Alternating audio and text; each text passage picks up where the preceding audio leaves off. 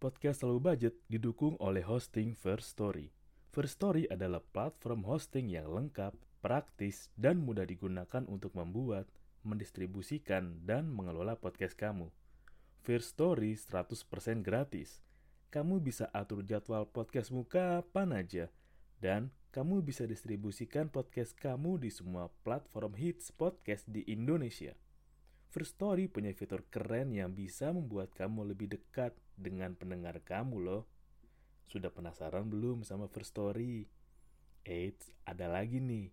Dengan First Story Ads, kamu bisa monetisasi podcast kamu juga. Menarik bukan? Gapai potensi maksimal podcastmu dengan tools dari platform hosting terbaik untuk para podcaster. Daftar sekarang di First Story. Mari bawa mimpi podcastingmu menjadi kenyataan. Selamat datang di sini Low Budget, nggak harus mahal untuk nikmatin hidup. Barengan gue lagi Doni Wijaksono. Oke, lu udah ada yang nonton One Piece minggu ini, episode 1015. Lu kalau udah nonton, bisa dibilang itu episode yang bagus banget.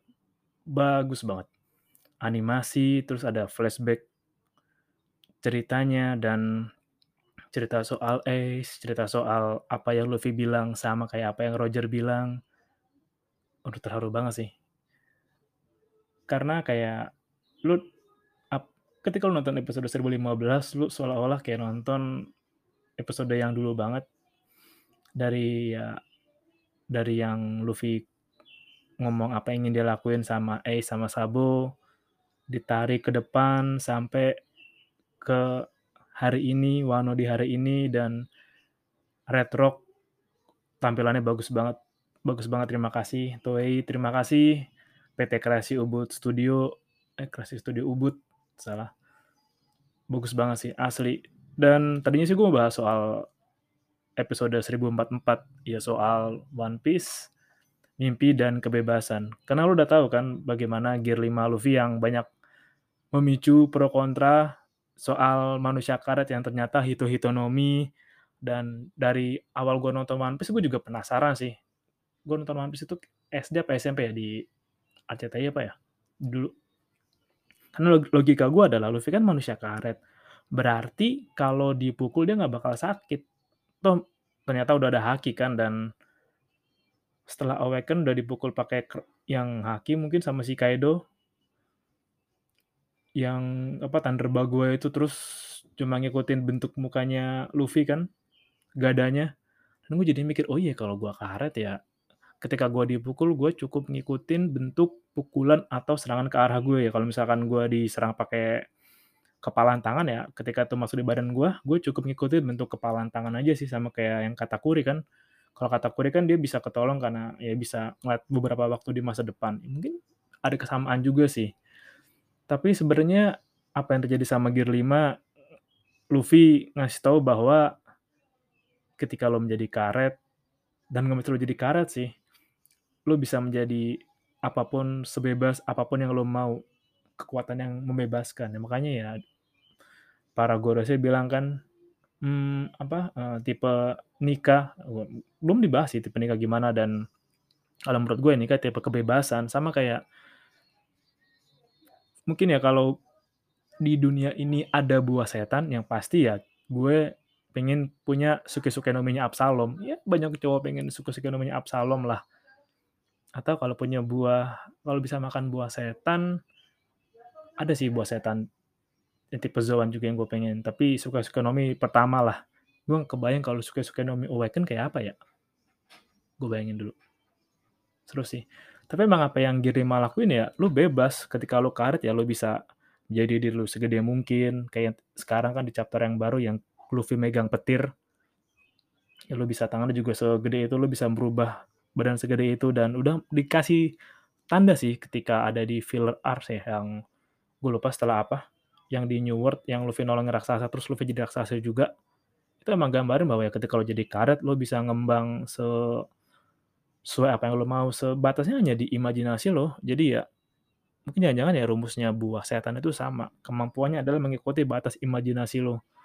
Ya gue bayangin sih ketika gue jadi Absalom akhirnya gue jadi Absalom gue punya kemampuan tembus pandang sebebas yang gue mau, ya pasti gue akan melakukan hal baik lah. Nggak mungkin gue melakukan untuk merugikan orang kan, kalau punya kemampuan kayak Absalom.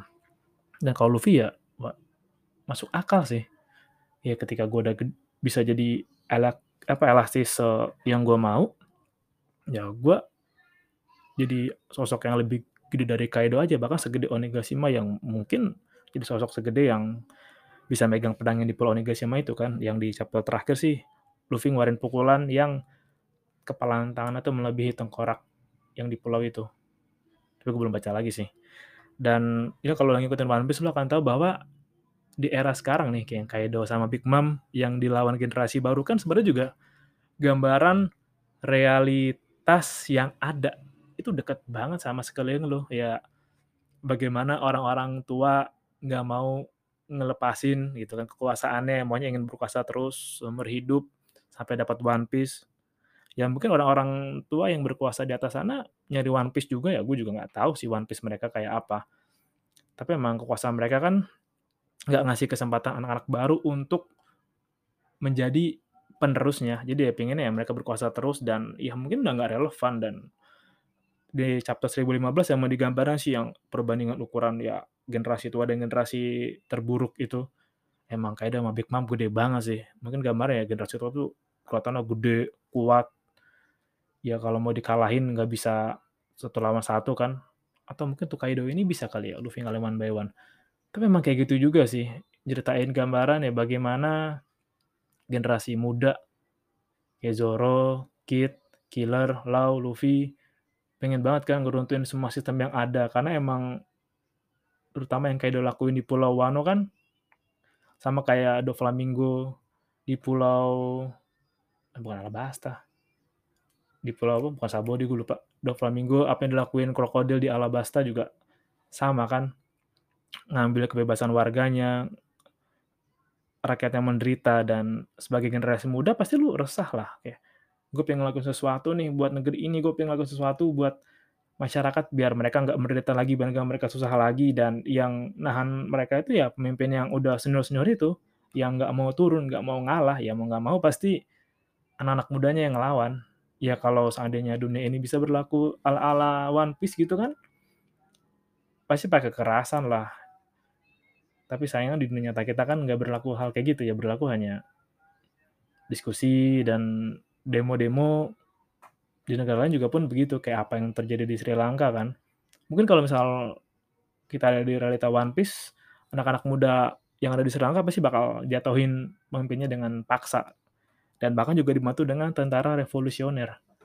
Gue jadi penasaran sih di ada nggak ya tentara revolusioner di dunia nyata yang bantu-bantu negara dari balik layar? Karena emang ya ketika lo nikmatin sesuatu entah itu musik, lagu, video, film, anime yang deket banget sama lo, lo bisa ngerasain keresahannya sih. Bagaimana pengorbanannya, bagaimana perjuangannya dan ya emang One Piece itu dibuat untuk orang-orang yang senang akan kebebasan, senang memperjuangkan kebebasannya, mencari kebahagiaan masing-masing ya. Yang kayak S bilang kan di 1015 ya, gue nggak peduli apa kata orang, pokoknya kalau ada orang yang apa ngetawain kayak mimpi adik gue pasti gue akan gue lawan dan begitu juga dengan Sabo kan ya. Gue ingin berjuang ke gue ingin berkeliling ke seluruh dunia cari tahu apa sih yang ada di seluruh dunia cari tahu hal menarik dan menuliskannya di sebuah buku. Ya karena kan emang dunia itu nggak seperti gue agak nggak setuju dengan kata-kata yang bilang ya dunia seluas daun kelor. Enggak lah mau daun kelor kayak mau daun talas kayak mau misalkan daun apalagi singkong, seledri, enggak lah, ya dunia itu luas banget. Dan emang sayangnya aja kita enggak kayak jam kalau zaman dulu kan belum belum ada transport kan lu keliling dunia bebas lu nggak perlu izin orang tua gitu nggak perlu izin RT RW lu nggak perlu surat-surat apa ya lu naik kuda gitu kan lu bawa perbekalan jalan aja udah random ke banyak tempat. Karena kan kita juga belum tahu struktur dunia dulu kayak gimana yang ketika zaman zaman megalitikum lah. Ya lu berkeliling berkeliling aja jalan-jalan aja udah. Dan ya kalau lu senggang ya lu ngasah-ngasah batu, ngukir batu, lu bikin-bikin senjata gitu kan dari besi, lu ngasah-ngasah, bikin tombak lu, pedang lu. Dan emang sih emang nggak ada habisnya kalau ngomongin One Piece yang bagaimana di chapter 1044 kemarin lo dikasih lihat bahwa ya sebenarnya itu yang menghalangi lo yang menghambat lo untuk dapetin apa yang lo mau ya ada di imajinasi lo sendiri. Dan ya lo ingin jadi apa lo ingin seperti apa pun kekuatannya ada di batasnya emang di imajinasi lo sendiri.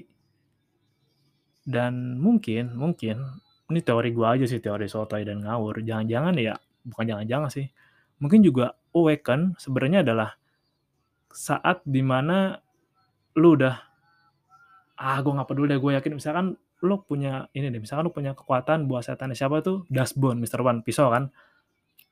Lu bisa ngubah dulu jadi kayak benda tajam pisau gitu. Tapi ketika lu menghalangi batasan dalam diri lu kayak ah masa gue cuma ngubah diri gue jadi pisau? Enggak enggak gue mau ketika apa yang gue sentuh semua jadi pisau. Barang yang tumpul yang gue pegang bisa jadi pisau juga. Dan gue bisa menembakin pisau ketika gue nyentuh lawan musuh gue dari dalam pakai kekuatan pikiran imajinasi gue ya jangan-jangan ketika im, lo awaken sebenarnya adalah ketika lo menghapuskan dan lo keluar dari batas imajinasi lo yang selama ini biasa lo pikirin. Bisa jadi kan dan biasanya kan ketika orang udah kebentur banget yang kayak Luffy muncul gear 5 nya kan ketika udah dipukul habis-habisan. Dan pas lengah sih pas diganggu si P0 itu. Dan ketika lu lihat si P0 dipukul ke bawah damn lu puas banget kan kayak anjing lu udah ganggu pertarungan kayak sama Luffy dan enak banget men. Lihat dia dipukul sampai bawah tuh. Uh satisfying banget. Ya iyalah kayak ketika udah pria lawan pria gitu. Apa man versus man one by one tuh nggak bisa lo ganggu nggak bisa lo interupsi itu kan apa yang Frankie bilang pertarungan antar pria lo nggak bisa intervensi dan lo nggak bisa campur tangan. Dan jangan ya bisa jadi emang batas awaken itu ketika udah ah gue nggak peduli pokoknya gue mau gue yakin buat setan gue bisa ini ini ini ini ya walaupun juga di seribu yang baru berapa sih seribu berapa ya gue yang lima dua apa berapa ya yang apa yang Kaido bilang Roger nggak makan buah setan itu wow, wow mencengangkan sih. Tadi kan emang banyak spekulasi yang bilang bahwa jangan-jangan Roger makan buah karet juga lagi cuma nggak ketahuan kan. Ya bisa jadi yang makan buah karet itu ya si Joy Boy dulunya. Dan teori yang liar juga bilang kan kenapa kok to topinya topi jerami di Mari Marijoa gede banget? Se apa? Gede banget lah segede Hajarudin atau segede itu Dori Brogi Ya karena emang ketika jadi manusia karet lu bisa jadi gede, bisa jadi kecil, lu bisa ngubah badan lu semampu lu lah. Dan kalau ngeliat Luffy, yang sekarang bertemu lawan Kaido emang Looney Tunes banget sih kayak kartun-kartun Tom and Jerry, kartun-kartun. Tapi yang gue inget ya Looney, Looney Tunes banget yang ketika dipukul terus malah lu ngikut, ketika lu digeprak gitu kan badan lu ngikut gepeng juga. Jadi ya hmm, kalau lo gue sih jabarin logikanya buah karetnya Luffy gini kayak misalkan lo Abel kata lu mukul kayak selembar anduk nih. Nah, ketika mukul anduk itu, anduk itu bakal ketemu bentuk tangan lu. Anduk itu nggak nggak bakal robek, nggak bakal apa. Tapi anduk itu ya ngikutin bentuk tangan lu dan nerima aja apa yang lu pukul. Jadi lu nggak bakal sakit. Ya, tapi kalau lu lihat dari apa lain di komiknya sih Luffy juga ada batas gear 5-nya kan yang pas dia mukul pun udah ada keringetan, yang pas dia loyo gitu kan. Pas dia lemah terus yang, yang apa dia semangat lagi karena debar jantungnya yang bunyi gimana ya bak dum dada gitu kan tiba-tiba bersemangat lagi ya mungkin ada batasannya juga mungkin masa ada buah setan yang terlalu overpower ya buah sekelas Kurohige aja ada batasnya kan yang ketika lu tahu pas di perang Marineford kan yang Kurohige ada saat di mana dia nggak bisa pakai buah setannya dan ngapang banget diserang sama Shirohige pasti ada kelemahannya lah. Dan wah seru banget ya ngomongin One Piece ya. Gue ngomongin dadakan banget sih karena gue nggak 1015 cakep banget dan iya sih. Pasti banyak orang yang pingin ada sosok kayak Luffy kru topi jerami di dunia nyata ya di mana ya mereka datang ke keliling dunia mencari petualangan nggak terikat dengan norma nggak apa terkekang dengan aturan yang ada. Mereka hanya berpetualang mencari apa yang mereka mau dan menjadi dan menciptakan mimpi mereka masing-masing dan membebaskan negara saat ini tertahan. Karena kan ya pasti ada sebuah tempat atau di negara yang ah kita rakyatnya nggak bisa ngelawan nih, nggak bisa berontak, makanya dibutuhkan bantuan dari luar dan kalau bantuannya kayak topi jerami ya nggak apa-apa sih. Mending bantuan dari luar yang modelnya kayak bajak laut yang kalau lihat Brown Bird tahu kan? Yang pas di muncul apa di Revolutionary Army itu oh, BTW gue jadi sesuatu sih. Jadi lu kalau pernah baca dulu tuh ada udah lama banget ini di Facebook gue lihat katanya sih dia orang yang nyelinap ke ruangannya ya krunya One Piece lah tim mangakanya One Piece dia nyeritain kayak ya katanya ntar di apa perang Luffy lawan Kaido itu gear 5-nya efeknya mematahkan semua tulang Luffy terus antara Zoro atau Sanji yang kehilangan nyawa gitu kan. Terus makanya ada kru baru yang gantiin. Gue nggak tahu sih kalau lu pernah baca itu panjang banget dan seru banget. Dan iya sih gue selalu suka banget gue ngutip apa yang Devil Nomi bilang One Piece itu gak masuk akal, tapi akal bisa masuk. Dan iya sih, dan gue bayangin juga, gue pernah bilang kan di, gue pernah bilang kayak di episode gue yang bahas One sebelumnya. Dan ini ngaruh juga sih, kayak apa yang, jadi gue sedikit nyambung ke filsafat, oke, okay. kayaknya Aristotle bilang deh yang dia bilang, imajinasi itu nyata. Namun memang antara ya belum kejadian atau dimensi waktunya yang beda atau dimensi ya halnya yang beda. Iya. Pasti ketika lu baca anime-anime manga-manga pasti lu ada sesi berpikiran bahwa gue pengen banget nih realitas di sekeliling gue dipenuhi dengan makhluk yang beraneka ragam. Kayak pernah gue bilang oh gue pengen ada ya misalkan gue ketemu dengan Gyojin atau misalkan ada modelnya apa suku Tontata atau misalkan suku raksasa suku kaki panjang. Pasti emang dunia lebih berwarna. Ada kali gitulah dan gue juga suka lihat sih beberapa tweet beberapa nongol di lini masa Facebook gue ya kayak gue pengen banget nih kayak apa yang ada di anime bisa di dunia nyata. Tapi emang ya dengan era yang sekarang kenyataan sekarang belum bisa. Mungkin di dunia lain yang nanti kalau lo ngalor ngidul kayak I don't know gue juga nggak tahu sih. Tapi bisa jadi kan. Karena emang imajinasi adalah batasnya. Dan inget juga sih kalau yang heran yang keren dari para mangaka adalah jadi kayak lo kalau tahu-tahu ini nggak uh, One Punch Man itu kalau lo ngeliat karyanya Yusuke Murata itu keren banget sih. Itu detail banget dan emang itu gambar sedetail itu ada di imajinasi lo dan dia bisa menuangkan itu ke atas kertas. Itu keren banget. Sumpah keren banget. Dan di mana-mana ya kalau lihat anime atau apa kan emang ada yang nggak sesuai logika kan emang dan emang nggak sesuai logika karena emang ya batasnya ada di imajinasinya. Dan karakter utama kita kapten kita Luffy mendapatkan buah karet di mana ya? Karena udah awaken jadi bisa menjadi melakukan dan mengubah apa pun yang bentuknya dia mau. Itu keren banget sih. Dia bisa jadi dua dimensi dia bisa jadi segede apa gitu kan yang terakhir terakhir di chapter terakhir dan ngomongin juga soal 1015 hmm, karena emang kebebasan itu kita yang menentukan sendiri sih. Kita mau bebas kayak gimana kita mau membebaskan diri apa enggak kita mau menciptakan kebebasan itu apa enggak dan harus dengan kebebasan yang bertanggung jawab bukan kebebasan yang ya gue bebas melakukan itu. Enggak. Tapi kayak di Wano sekarang kan ceritain bahwa masyarakatnya itu enggak bebas karena haknya dan apa yang seharusnya mereka nikmati dikuasai oleh bawahan Kaido dan segelintir orangnya aja. Maksudnya bebas di sini adalah ketika lu bebas mendapatkan dan merasakan kehidupan yang sebenarnya.